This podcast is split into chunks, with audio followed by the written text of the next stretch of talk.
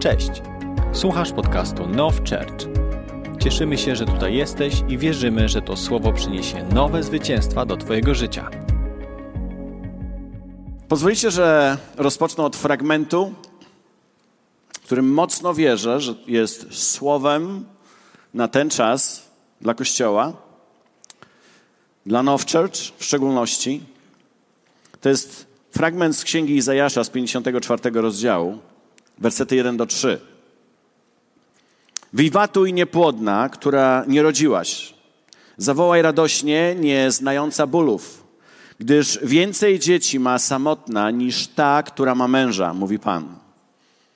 Powiększ swój namiot, rozciągnij zasłony swoich siedzib, nie wahaj się, wydłuż swoje sznury i wbij mocno paliki, gdyż rozprzestrzenisz się na prawo i lewo, a Twoje potomstwo posiądzie narody i zasiedli spustoszone miasta.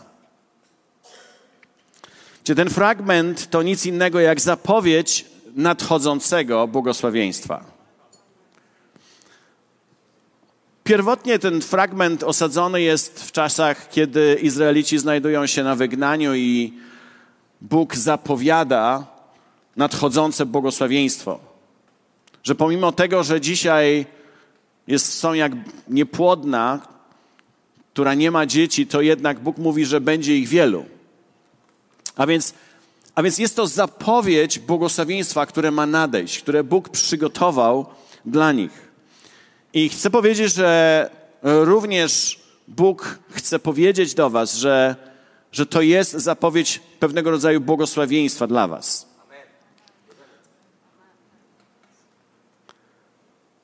Czytamy, że pomimo tego, że na obecną chwilę jesteś niepłodna, to jednak przygotuj się na dzieci, które przyjdą, przygotuj się na błogosławieństwo, które nadchodzi.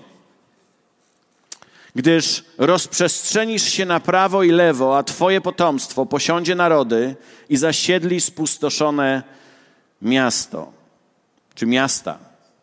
Wiecie, te słowa nie tylko dają nam nadzieję i podekscytowanie, ale przede wszystkim myślę, że wskazują na solidną, na solidne przygotowanie. Możemy w takich fragmentach jak to możemy skupić się tylko na pierwszej części, możemy się skupić na jednej części, możemy skupić się na tym, że Bóg zapowiada błogosławieństwo, które nadchodzi. Ale jeśli uważnie czytamy ten fragment, to nie da się inaczej jak zauważyć, że drugi werset tak naprawdę jest kluczowy w tej całości i drugi werset mówi, że oprócz tego podekscytowania nie możemy pominąć przygotowania na nadchodzące błogosławieństwo, ponieważ zanim nadchodzi błogosławieństwo, jakiekolwiek błogosławieństwo, to wcześniej musi być przygotowanie na to, na przyjęcie tego błogosławieństwa. Tutaj mamy do czynienia z błogosławieństwem, takim obfitym błogosławieństwem, pomnożenia ilości, napełnienia miejsca, które, które jest puste jeszcze dzisiaj.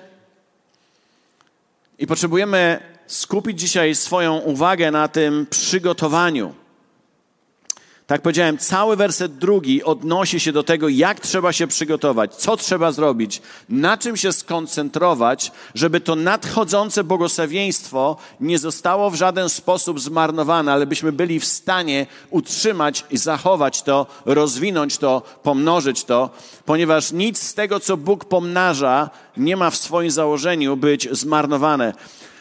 Pamiętacie, kiedy Jezus dokonał rozmnożenia chleba, to na koniec jest powiedziane, że Jezus zwrócił się do swoich uczniów i mówi: Pozbierajcie wszystko, co zostało. I zebrali 12 koszy okruchów i tego wszystkiego, co tam zostało pomnożone. Jeśli to mi mówi o jednym, że jeśli Bóg cokolwiek pomnaża, to nie chce, aby cokolwiek z tego, co pomnożył, było zmarnotrawione. Po to nam błogosławi, po to ten cały, cały zachód tego, tego działania Bożego, żeby to, co On pomnoży, żeby było w pełni zagospodarowane, żeby było zatroszczone, zaopiekowane i aby nic się nie zniszczyło. A więc ten fragment mówi o przygotowaniu. Powiększ swój namiot, rozciągnij zasłony swoich siedzib, nie wahaj się, wydłuż swe sznury i wbij mocno paliki. Czy chciałbym, ponieważ to jest to, co widzę w tym fragmencie, żebyśmy spojrzeli na te różne elementy przygotowania przez pryzmat Efezjan 4:11, że Bóg dał różnego rodzaju dary do kościoła, apostołów, proroków, ewangelistów, pasterzy i nauczycieli, po to, aby przygotowywali świętych do posługiwania. Chciałbym, żebyśmy spojrzeli na te aspekty, różne aspekty przygotowania przez pryzmat różnych obdarowań, które występują w pięciorakiej służbie. A więc po pierwsze czytamy powiększ swój namiot. Powiększ swój namiot.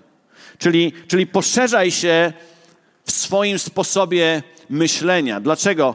Dlatego, że pamiętacie, kiedy Abraham znajdował się w namiocie i Bóg chciał poszerzyć jego perspektywę. Chciał, żeby Abraham myślał szerzej, miał przeskalowany ten obraz tego, co Bóg chce zrobić, co Bóg może zrobić, to mówi do Abrahama: wyjdź ze swojego namiotu. A więc, a więc kiedy mówimy o po, po, po, poszerzaniu tego namiotu, powiększaniu namiotu, powiększ swój namiot, to na pewno potrzebujemy powiększyć, poszerzyć swój sposób myślenia. Potrzebujemy wychodzić poza te ramy naszego ludzkiego, ograniczonego sposobu myślenia, aby myśleć tak, jak Bóg myśli, aby patrzeć na perspektywę Słowa Bożego. I myślę, że to jest nic innego jak ten nauczycielski wymiar Kościoła. Potrzebujemy, aby Słowo Boże nieustannie poszerzało nasz punkt widzenia, aby dawało nam perspektywę nieba. Byśmy myśleli tak, jak niebo myśli. Ale dalej, po drugie, czytamy: rozciągnij zasłony swoich siedzib. Rozciągnij zasłony swoich siedzib. Wiecie, do mnie, dla mnie to, to nic innego jak właśnie takie duchowe rozciąganie czyli rozciąganie w naszym duchu, poszerzanie też takiego, rozciąganie tego capacity, tej pojemności duchowej, którą mamy, gdzie również potrzebujemy w naszym duchu się poszerzać, tej pojemności, żeby przyjąć więcej Bożej mocy, większego, więcej Bożego działania, Bożego objawienia i myślę, że nie skłamię, jeśli powiemy, że to jest ten proroczy wymiar w Kościele który rozbudza nas, ten entuzjazm i pasję. Nie wiem, czy już zauważyliście, że kiedy, kiedy słowo prorocze zostaje uwolnione, czy to na ogólnym spotkaniu, czy indywidualnie do Twojego życia, to coś się w Twoim duchu rozbudza. Tak jak słowo zostało uwolnione do Abi, tak? Jestem przekonany, że kiedy to słowo było uwalniane, entuzjazm, podekscytowanie zostało rozbudzone w tobie. Jest tak? A więc, a więc kiedy, kiedy Słowo Boże mówi rozciągnij zasłony swoich siedzib, to, to, to mówi o tym proroczym aspekcie, kiedy, kiedy objawienie z Bożego serca przychodzi do naszego życia i nagle nowa ekscytacja, nowa pasja zostaje wzbudzona w naszym życiu. Bo wiecie, że my od czasu do czasu, idąc w tym codziennym życiu z Bogiem, często wchodzimy w takie pewne rytualne rzeczy, zmęczenie materiału, pewne nawyki, e, rutynę taką chrześcijańskiego życia i potrzebujemy od czasu do czasu właśnie takiego strzału z nieba, bezpośredniego objawienia Bożego serca, czegoś, co pobudzi mnie na nowo, rozbudzi we mnie pasję, entuzjazm, gorliwość do tego, żebym mógł dalej podążać, byśmy jako Kościół mogli podążać za Bogiem. Ja pamiętam, kiedy mieliśmy ten czas Bożego nawiedzenia u nas w winnicy, słowo prorocze odgrywało kluczową rolę. Za każdym razem, kiedy słowo prorocze było uwalniane, uwalniało coś w nas, uwalniało w nas większy głód Boga, większą gorliwość, większą pasję, większą determinację, większy entuzjazm.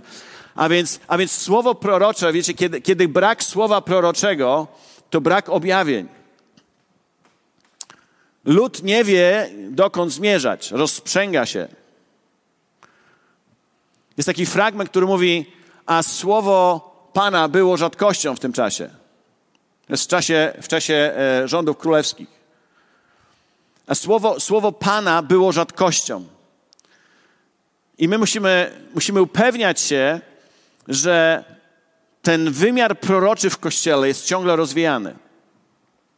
Że my ciągle mamy ten, to, to świeże objawienie nie tylko z takiego systematycznego poszerzania obrazu Boga, o którym mówiliśmy w pierwszym przypadku, kiedy mamy wyjść z naszego namiotu ludzkiego sposobu myślenia, ale tutaj mówimy o, o pewnej inspiracji, która przychodzi z Bożego serca i nagle poznajemy Jego serca, Jego pragnienia, Jego marzenia, to co, to, co On ma dla nas, to, co On w tym sezonie, w tym czasie mówi do nas, do naszego indywidualnego życia i również do Kościoła. A więc, a więc potrzebujemy tego proroczego aspektu w naszym życiu.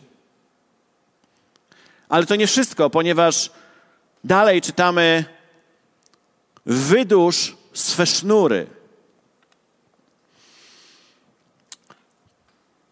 Chciałbym, wiecie, kiedy, kiedy, kiedy opowiadam o tym, chciałbym, żebyście też malowali sobie w swojej głowie, wyobrażali ten namiot i teraz to, to wydłużanie tych sznurów. Ponieważ kiedy, kiedy ja na to patrzę, to wydłużanie sznurów mówi do mnie w kontekście służby, która wychodzi najdalej.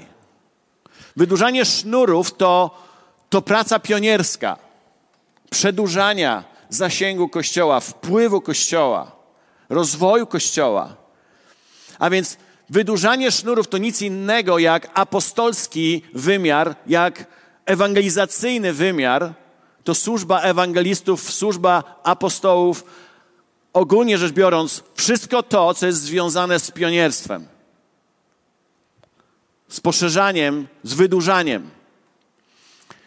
I Kościół, myślę, że jesteście wielce błogosławieni, mając ludzi w Kościele, którzy mają ten pionierski aspekt, którzy są ciągle niespokojni, którzy mają duchowe ADHD, którzy mówią, idziemy dalej, jest więcej.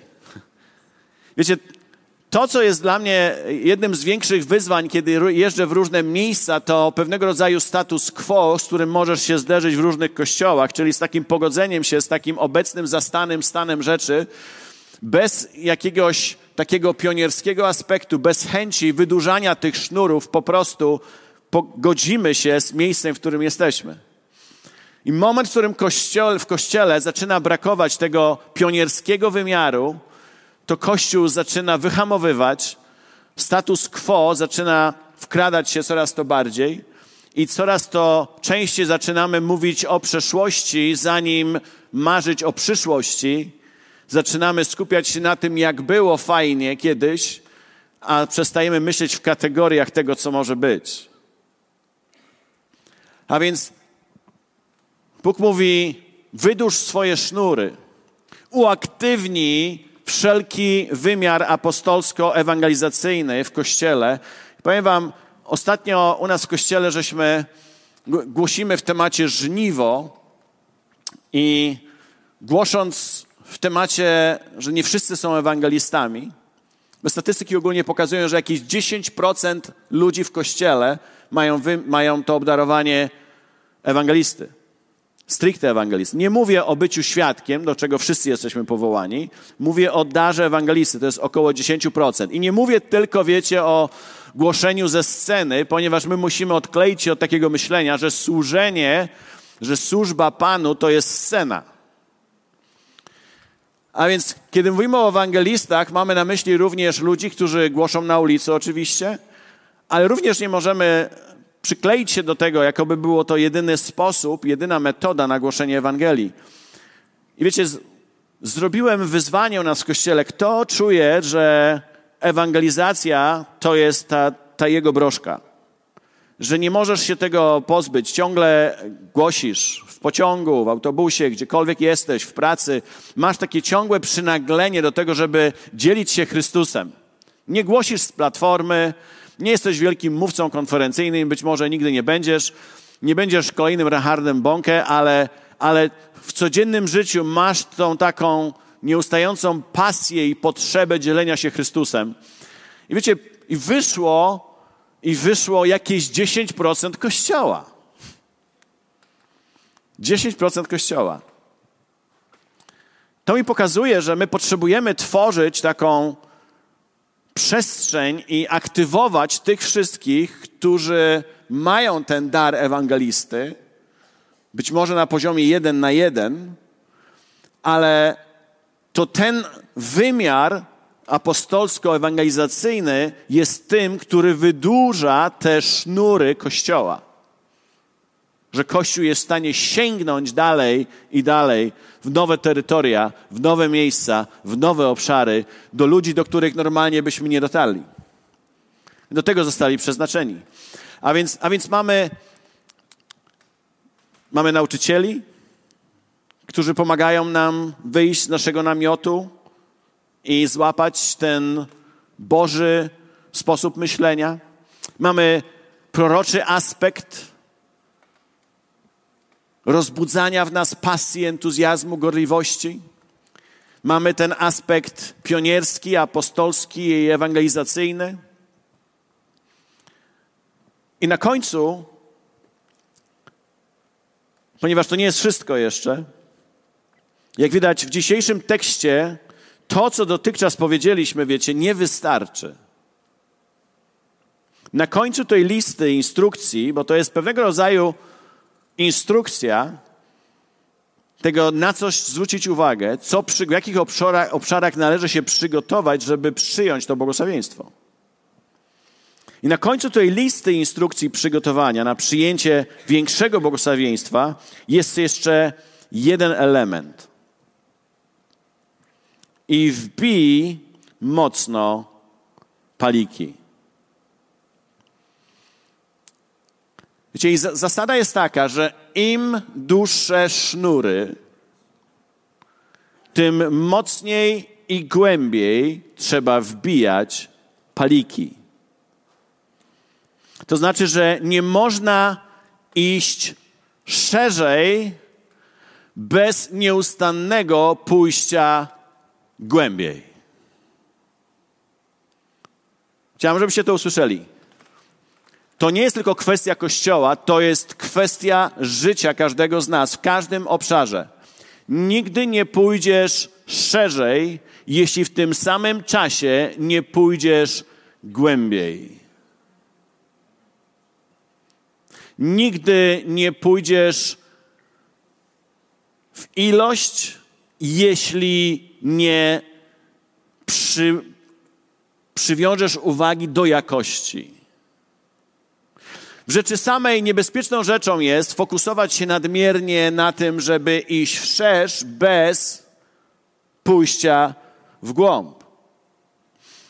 Modlitwa, wiecie, którą modlę się od wielu, wielu lat, to modlitwa, która brzmi: Panie, nie, kład, nie wkładaj niczego więcej do mojej dłoni, jeśli wcześniej nie zrobisz czegoś w moim sercu. Ponieważ to jest bardzo niebezpieczne, wiecie, kiedy nagle masz bardzo szybki sukces, ale Twój charakter nie nadąża za tym sukcesem. Sztuką nie jest mieć dużo i nie umieć tego utrzymać. Sztuką jest mieć dużo i utrzymać to dużo, co Bóg Ci daje. A więc, a więc nie wystarczy iść szerzej, trzeba zejść głębiej. Rozwijając firmę szerzej, musisz iść głębiej w jakość Twojego przywództwa, w jakość Twojego serca. Tak samo jest w kościele. Tak samo jest w każdej służbie. Im bardziej się rozszerzasz na lewo i na prawo, tym głębiej musisz schodzić. W rzeczy samej w pierwszej królewskiej, jeśli się nie mylę, drugiej królewskiej, 19.30, czytamy, zapuści jeszcze korzeń w głąb i wyda owoc w górze. Widzimy tą ciągłą zależność pomiędzy zapuszczaniem korzeni w głąb, a wydawaniem owocu na zewnątrz. A więc chciałbym troszkę, wiecie, zatrzymać się na tym ostatnim elemencie, ponieważ wierzę, że to jest ten aspekt, na który Duch Święty chciałby zwrócić Waszą uwagę najbardziej. Wszystkie te elementy są ważne, ale mam takie wewnętrzne przeświadczenie, że ten element wbijania palików mocniej i głębiej jest kluczowy dla Was w tym czasie, w tym sezonie, jeśli to błogosławieństwo od Pana ma być przyjęte i niezmarnowane. A więc powiedziałem, że zasada jest taka, że im dłuższe sznury, tym mocniej i głębiej muszą pójść paliki. To znaczy, że nie można iść szeroko,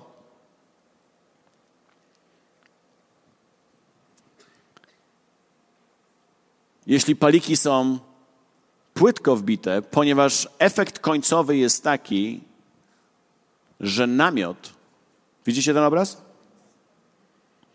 Możesz mocno wydłużyć sznury, jeśli wbijesz taki palik płyciutko, słabiutko. Widzicie to, jak namiot się składa? Możesz powiększyć namiot, możesz rozciągnąć zasłony, możesz wydłużyć sznury, ale jeśli paliki są zbyt słabo i zbyt płytko wbite, to zawsze ten namiot się złoży i zawali.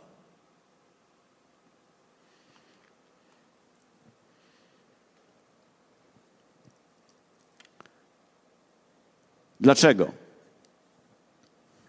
Gdyż wraz z wydłużeniem sznurów, wraz, powiem tak, wraz z powiększaniem namiotu, rozciąganiem zasłon i z wydłużaniem sznurów, wiecie co się dzieje w tych sznurach? Jest coraz to większe napięcie i naprężenie. Pastorze Marku, jest tak inżynier? Coraz to większe napięcia są i naprężenia, które jeśli palik jest płytko wbity, zaraz wyrwą to.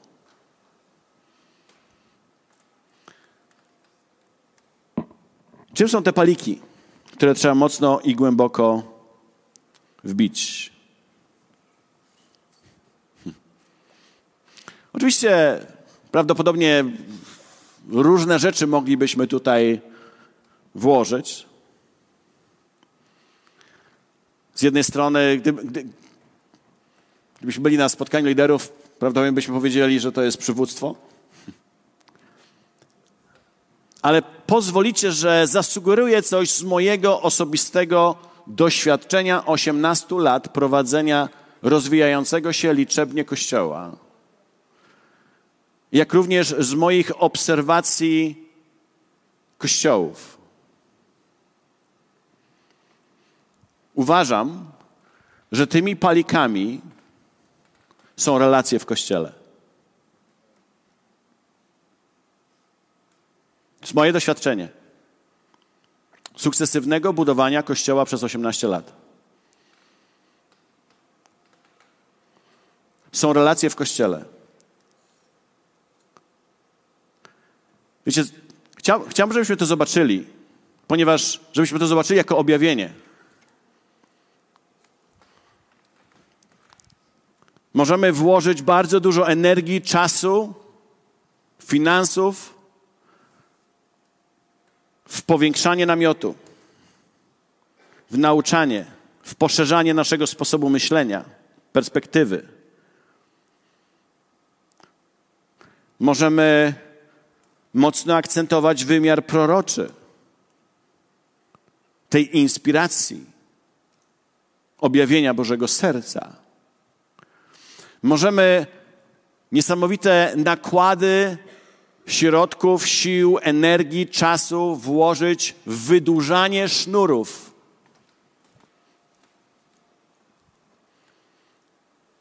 I na końcu pominąć jeden mały aspekt palika. Wiecie, co się dzieje? Mamy efekt domina, ponieważ na samym końcu tego wszystkiego znajdują się paliki.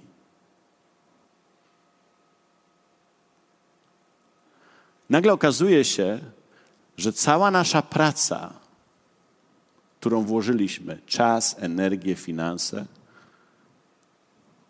zawali się tylko dlatego, że pominęliśmy ten jeden aspekt. Dlatego, kiedy apostoł Paweł w Efezjan 4:11 mówi o budowaniu kościoła, mówi o wszystkich pięciu aspektach, wymiarach budowania kościoła. za każdym razem, kiedy pomijamy jakiś z tych wymiarów, to dochodzi do braku równowagi, dochodzi do tego, że to ciało zaczyna rozwijać się w taki nieproporcjonalny sposób. Że jedną część będziesz miał bardzo wydłużoną, a drugą bardzo małą. Chodzi o to, żeby to wszystko rozwijało się proporcjonalnie, tak jak powinno.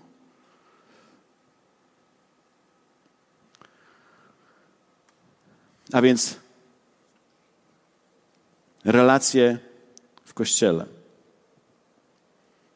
I mam takie wewnętrzne przeświadczenie, że pośród tych wszystkich elementów przygotowania na przyjęcie większego błogosławieństwa, o których przed chwilą mówiliśmy, Bóg mówi do Was, że potrzeba wbić mocniej i głębiej paliki relacji.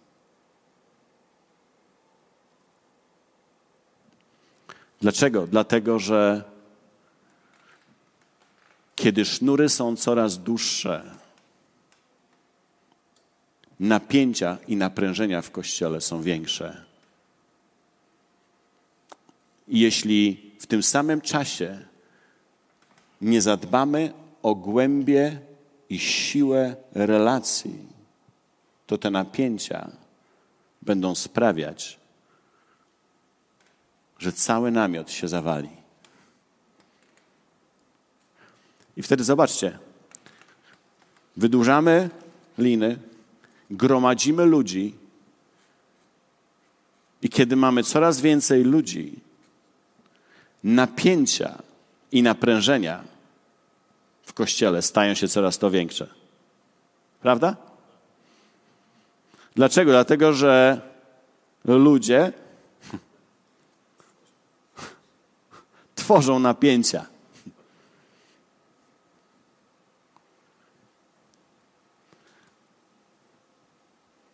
I nagle okazuje się, że te wydłużone, że ten powiększony namiot, że te zasłony rozciągnięte, że te liny wydłużone, że to wszystko się zawala. I ci, których przyprowadziliśmy, których nie wzmocniliśmy tych relacji, nagle namiot się zawala. A więc teraz tak, jeśli nie wyciągniemy z tego lekcji, to zaczniemy na nowo. Musimy jeszcze bardziej wydłużyć liny. Jeszcze bardziej musimy te sznury wyciągnąć. Musimy jeszcze bardziej skupić się na nauczaniu. Musimy jeszcze bardziej skupić się na inspiracji proroczej. Musimy jeszcze bardziej zrobić to, jeszcze bardziej tamto, jeszcze, jeszcze więcej energii i siły i fokusu musimy tam wpuścić w to poszerzanie duchowe. A na końcu znowu robimy i znowu namiot się składa Historia się powtarza i znowu musimy gromadzić ludzi, poszerzamy, wydłużamy sznury.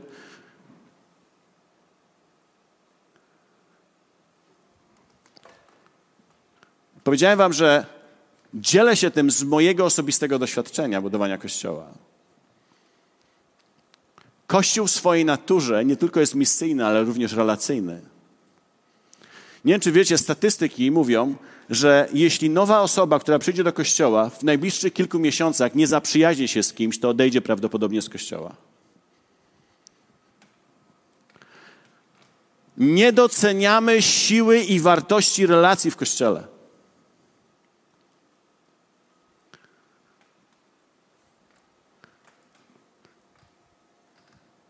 Wizja jest potrzebna, inspiracja jest potrzebna. Bez wizji lud się rozprzęga też. Więc nie możemy pominąć tego aspektu.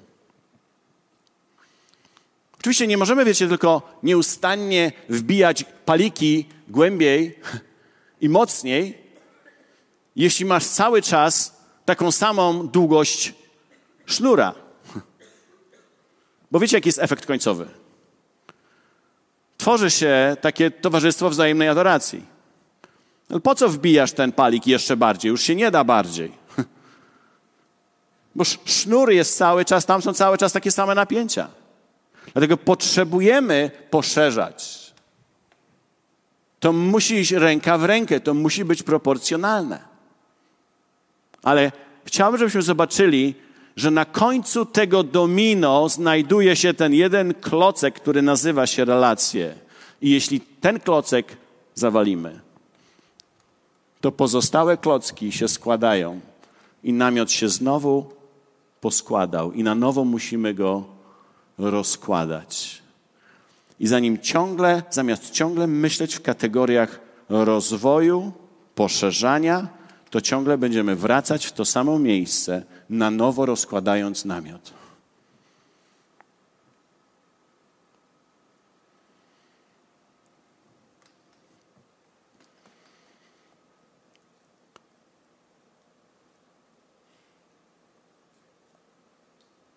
W ten sposób, wiecie, Kościół zawsze dochodzi tylko do określonej długości sznurów. Czytaj liczebności, rozmiaru liczebnego. I nie przekroczy tego, nie pójdzie dalej. Bo zawsze się będzie potykać o słabo wbite paliki, o powierzchowne relacje, o płytkie relacje, o słabe relacje.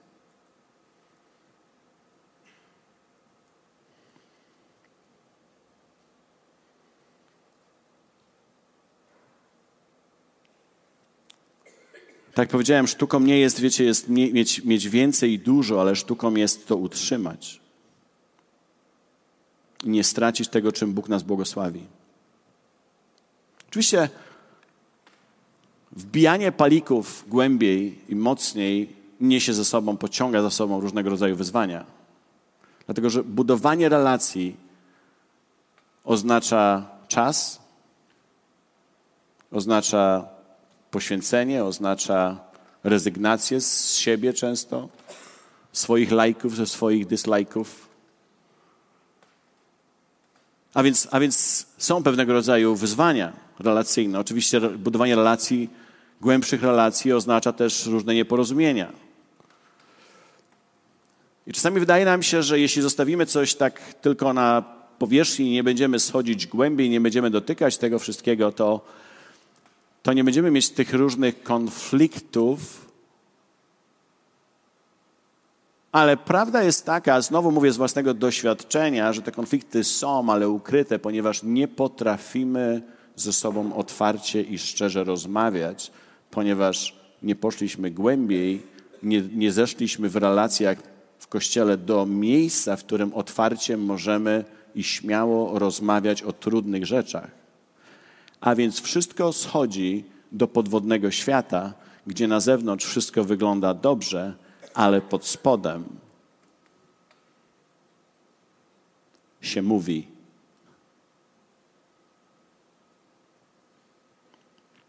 Pytanie, dlaczego, jeśli się mówi, to dlaczego pod spodem, dlaczego nie mówi się otwarcie? Bo być może nie wbiliśmy tych palików wystarczająco głęboko i mocno, żeby móc otwarcie i z odwagą rozmawiać ze sobą, nie bojąc się osądu, krytyki, potępienia.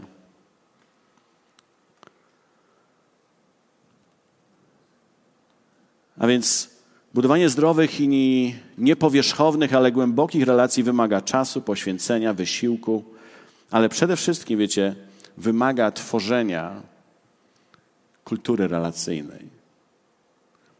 Powiem Wam,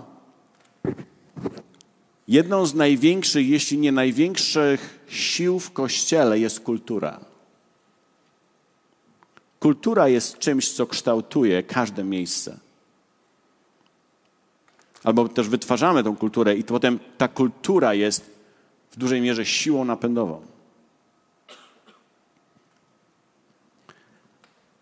I każde miejsce, każdy dom, każda rodzina, każda firma, każdy kościół ma swoją kulturę. Kulturę miejsca.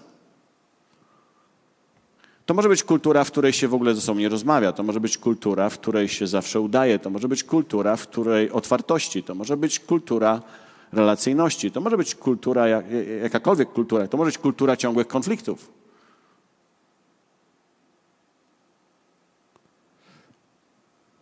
I teraz, kiedy nowa osoba przychodzi do kościoła, to naj, tym, co najbardziej na nią oddziaływuje, nie jest kazalnica, ale kultura, z którą się zderza.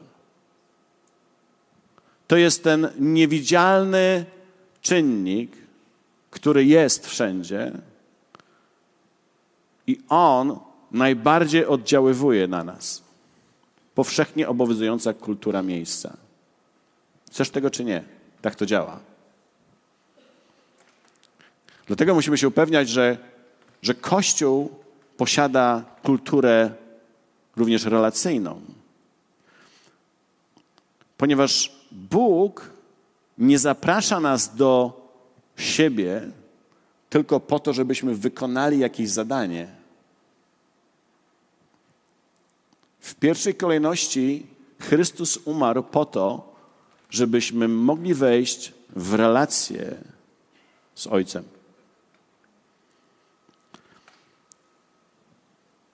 Bóg zdradza nas do relacji ze sobą.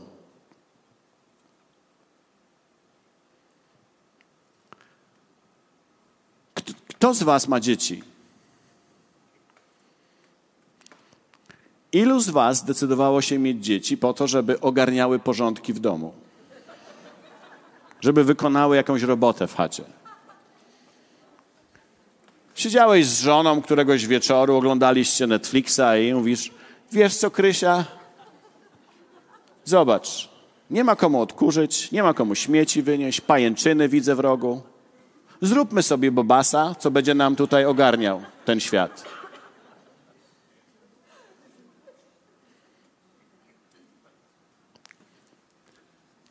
Co nas motywuje do tego, żeby mieć dzieci?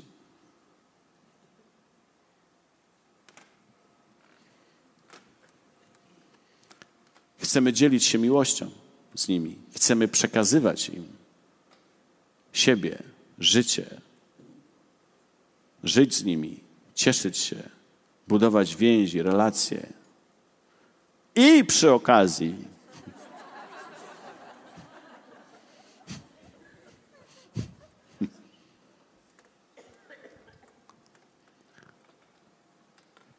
Czy myślicie, że kiedy Bóg zdecydował się posłać swojego syna na krzyż, żeby nas zrodzić do królestwa, to chciał nas zrodzić po to, żebyśmy wykonali tylko misję? Przecież Bóg mógłby to zrobić o wiele lepiej i szybciej niż my, gdyby chodziło tylko o misję. On zrodził nas do relacji, do miłości, do intymności, do bliskości, do relacji ze sobą. I kiedy Bóg zdradza nas do Kościoła, łączy nas, to łączy nas do relacji miłości. To jest ten, ten wymiar wspólnotowy Kościoła. Oczywiście nie możemy zapomnieć o tym, że mamy również misję do wykonania, bo bez tego aspektu będziemy siedzieć przez resztę życia wokół ogniska, grzać ręce, jeść ciasto, pić kawę i nic się nie zmieni. I żadne sznury nie będą przedłużone. Namiot nie będzie poszerzony. Staram się wymalować ten taki zrównoważony obraz dzisiaj życia Kościoła. Ale akcent dzisiaj rozkładamy mocno na palikach, które trzeba wzmocnić, które trzeba wbić głębiej. Ponieważ w pierwszej kolejności zostaliśmy powołani, Słowo Boże mówi, do społeczności z Jego Synem Jezusem Chrystusem i do społeczności ze sobą nawzajem, mówi Słowo Boże.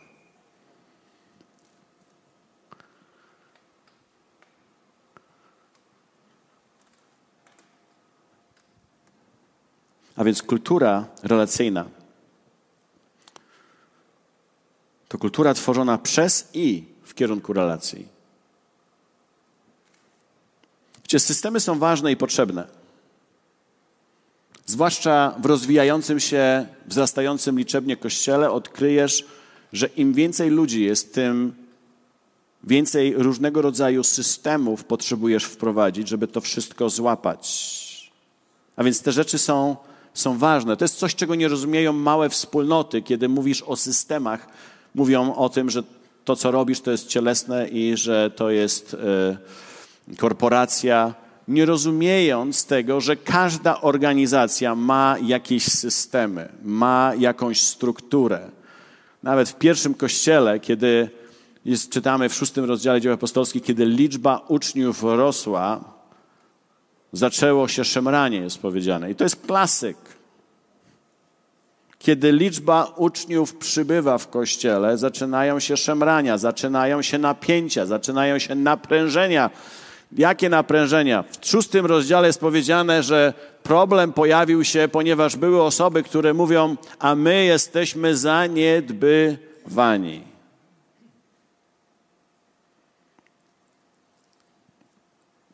Tak naprawdę te osoby czuły, że gdzieś brakuje tego aspektu relacji. Gdzieś się to zagubiło i czujemy się zaniedbani. I teraz, co robią apostołowie?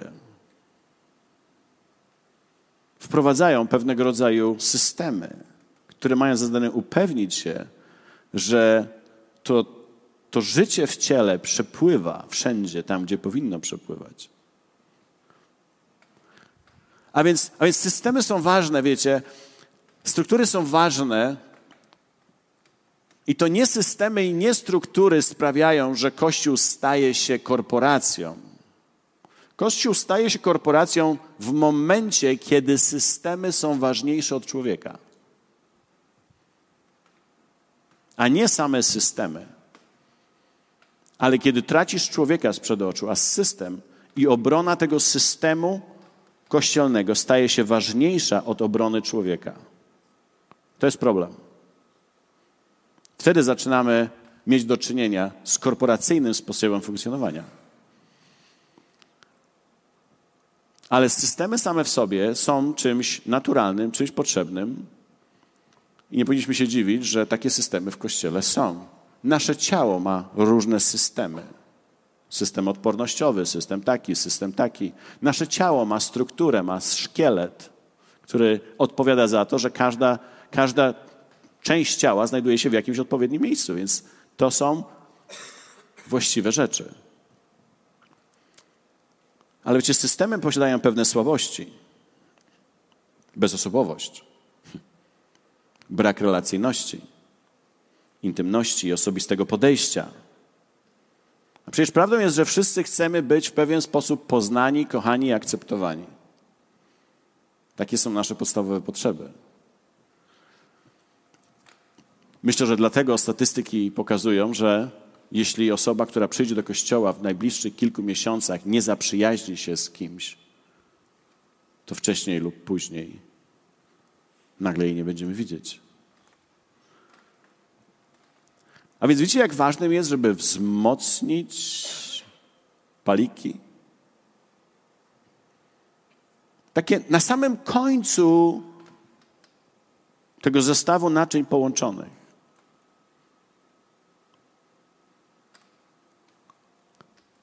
Ale sprawiają, że namiot się zawala i na nowo musimy wszystko stawiać. I znowu energia, którą powinniśmy i czas, i siły wpakować, jeszcze większe wydłużanie sznurów, znowu wpakowujemy w to, żeby wygrzebać się z tego bałaganu, z tego namiotu, który się zawalił i na nowo rozciągamy, i na nowo rozciągamy. A lepiej by było pójść po rozum do głowy i wbić mocniej paliki.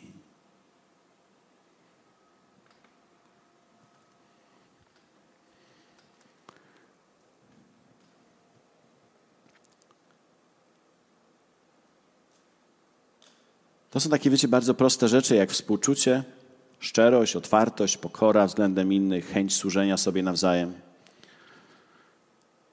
Dajmy takie, takie normalne rzeczy, takie proste rzeczy, które sprawiają, że które, które są takim właściwym środowiskiem do tego, żeby te relacje kwitły i się rozwijały i wydawały owoc. Poza tym, nigdy nie wiesz, kiedy będziesz potrzebował kogoś, z kim jesteś w relacji. Teraz wyobraź sobie, że, że z wszystkimi jesteś pokłócony. I kiedy potrzebujesz pomocy, nie masz nawet do kogo się zwrócić. Nie wiem, czy pamiętacie wdowę, do której przyszedł prorok i mówi: Oliwy nie braknie, tak? Mówi, mówi, dawaj tu wszystkie naczynia, które masz w domu. Teraz, kiedy, kiedy te naczynia już się wszystkie skończyły, co zrobili? Poszli do sąsiadów pożyczyć naczynia. Kiedyś zastanawiałem się, co by było, gdyby ta wdowa była skłócona z wszystkimi sąsiadami, nie miała z nimi żadnych relacji. nie byłaby w stanie pomyć, po, pożyczyć naczyń, nie byłaby w stanie przyjąć większej ilości błogosławieństwa, który Bóg chciał uwolnić do jej życia. Co by było, wiecie, gdyby, pamiętacie ten sławetny połów, kiedy to sieci się rwały, jest napisane, że zawołali do tych sąsiednich łodzi, aby przyszli i im pomogli żeby zebrać tą obfitość błogosławieństwa, którym Bóg ich pobłogosławił. Co by było, gdyby byli skłóceni z wszystkimi innymi rybakami w porcie? Straciliby to, nie byliby w stanie tego błogosławieństwa udźwignąć, nie byliby w stanie go zachować, utrzymać. Widzicie, jak, jak, jak, jak ważne są właściwe relacje w naszym życiu. Nie tylko w życiu Kościoła, ale w ogóle w życiu, w naszym życiu. Nigdy nie wiesz, kiedy będziesz potrzebował swojego sąsiada. Nigdy nie wiesz, kiedy będziesz potrzebował pomocy tego kogoś, kogo ciągle, na kogo ciągle z góry patrzysz. Może któregoś dnia akurat okaże się, że on będzie tym, od którego będziesz musiał pożyczyć naczynie, do którego będziesz musiał zawołać hej, pomóż mi, mam taką obfitość błogosławieństwa, nie potrafię tego wyciągnąć. To, to, to nam mówi również, wiecie, o, o tym, że w kontekście relacji z innymi kościołami potrzebujemy być w dobrych układach, w dobrych relacjach, ponieważ kiedy Bóg huknie tym błogosławieństwem, a przyjeżdżam do Was powiedzieć Wam, że błogosławieństwo jest w drodze i Bóg chce, uwolnić to błogosławieństwo, ale będziecie potrzebowali sąsiednich łodzi, różnych łodzi, które przyjdą z pomocą, aby ogarnąć i wyciągnąć to błogosławieństwo.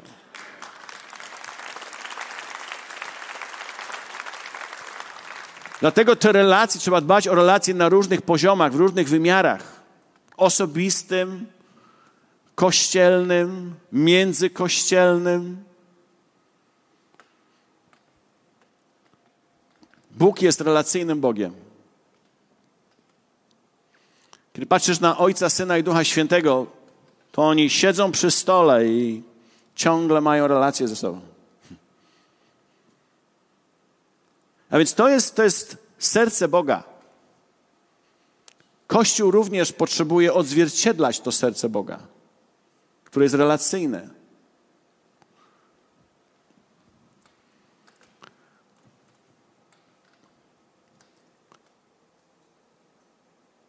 I kiedy nie pominiemy żadnego z tych elementów, wiecie, kiedy będziemy budować w sposób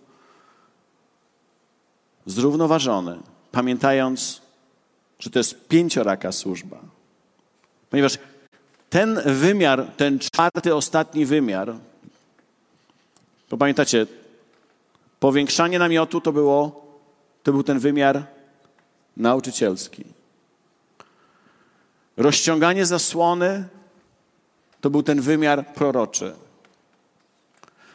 Wydłużanie lin to jest wymiar apostolsko-ewangelizacyjny. A wbijanie palików mocno i głęboko to wymiar pasterski. To wymiar pasterski w kościele. Nie może zabraknąć żadnego wymiaru. I kiedy nie pominiemy żadnego z tych elementów, to wiecie co? I ogłaszam to nad waszym życiem, nad tą służbą. Rozprzestrzenisz się na prawo i lewo, a twoje potomstwo posiądzie narody i zasiedli spustoszone miasta. Amen. Dziękujemy, że byłeś z nami. Jeśli chcesz dowiedzieć się więcej o naszych działaniach lub nas wesprzeć, zapraszamy Cię na www.nationsonfire.org ukośnik nowchurch.